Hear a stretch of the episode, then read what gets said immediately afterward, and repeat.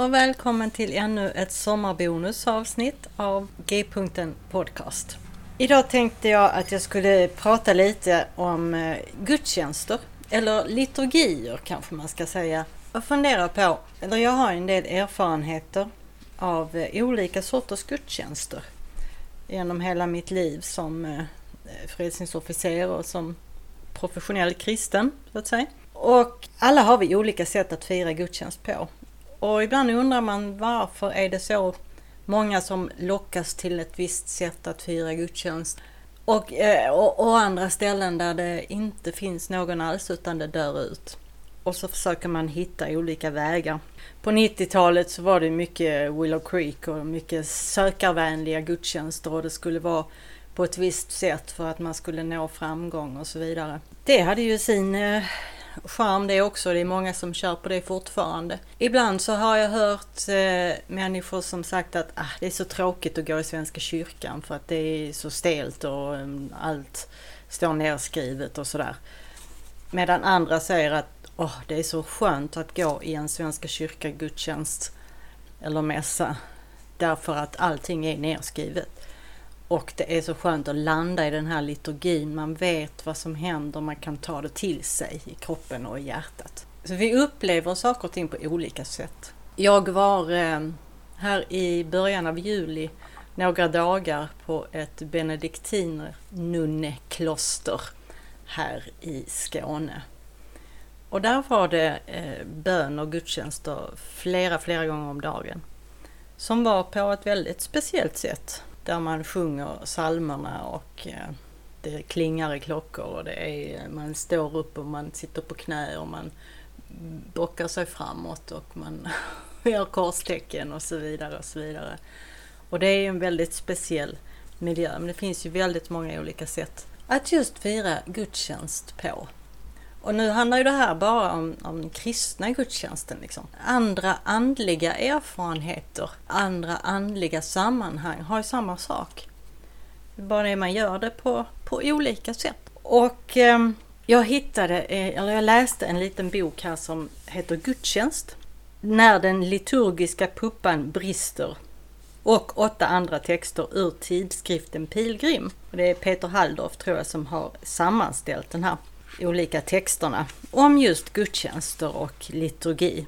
Och här var en väldigt fin text. Kort fin text av någon som heter Quinn Fox. Och den är översatt till svenska av Maria Küchen. Så här kommer dagens sommarbonusavsnitt som heter Liturgi och Starbucks.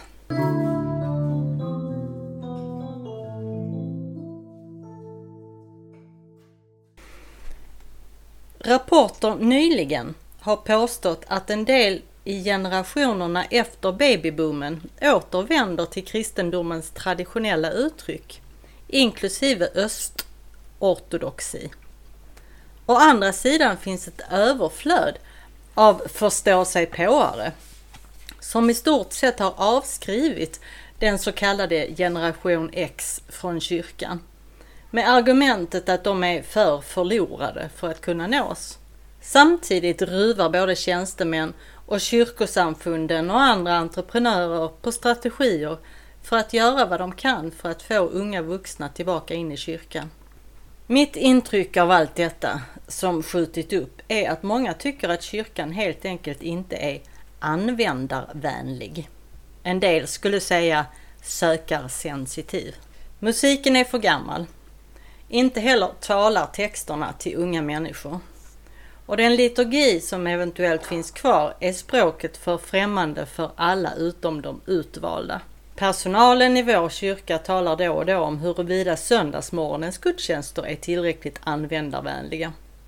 Ärligt talat är jag inte övertygad om att vi alls behöver vara så användarvänliga vad gäller liturgi och texter som många experter rekommenderar. Starbucks har utmanat mitt tänkande.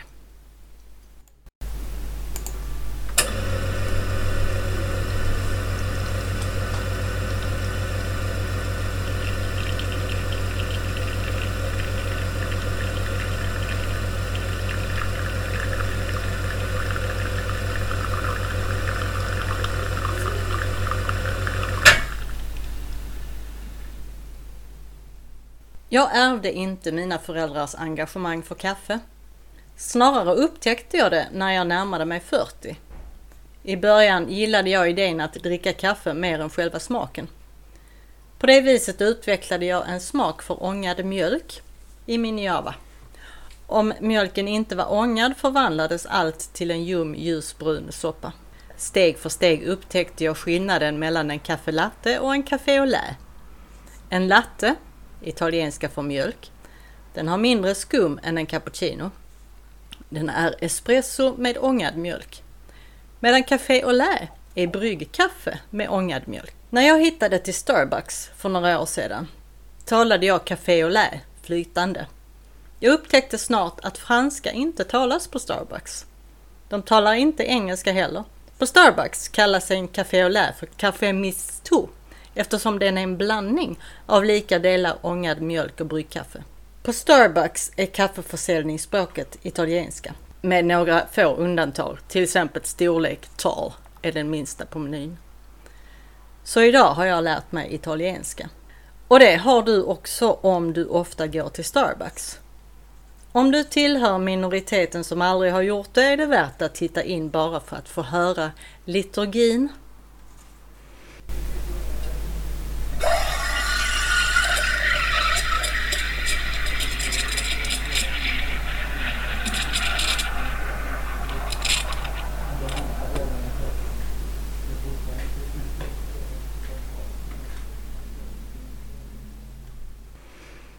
I rusningstid en ordnad om en långsam procession av trogna framåt mot disken. En beställning kan vara i något med stil med Jag vill ha en Grande, fettfri, trippel, tvåpumps pepparmint latte med extra vispgrädde.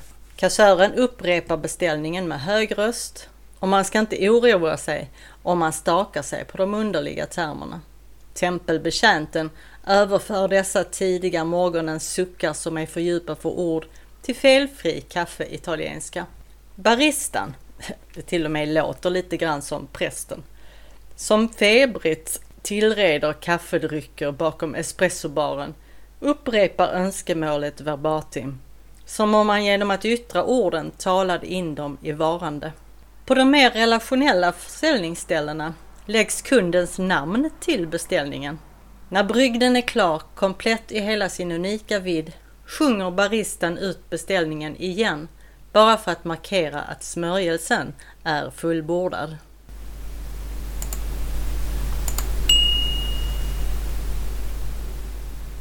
Det finns för övrigt inga tryckta liturgier, inga italiensk-engelska fusklappar.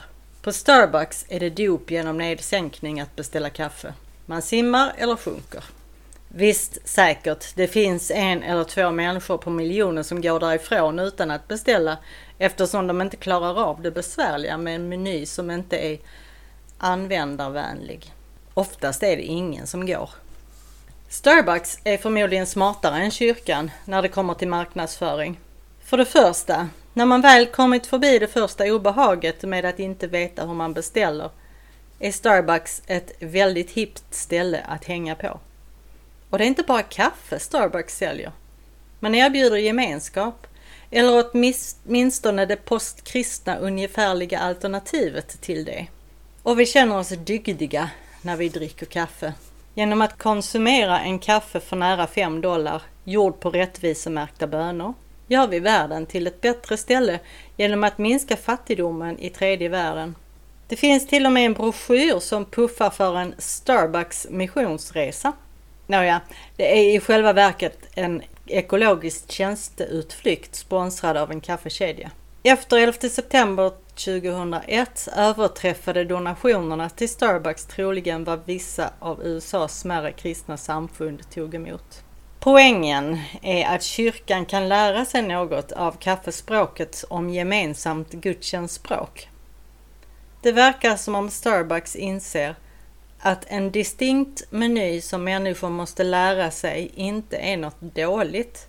Allt detta med antyder att om amerikaner som till stor del undviker främmande språk är villiga att lära sig italienska för att få bra kaffe skulle de mycket väl kunna lära sig Herrens bön på engelska eller svenska, för att få Gud. Och vi behöver inte ens ha den med i agendan varje söndag.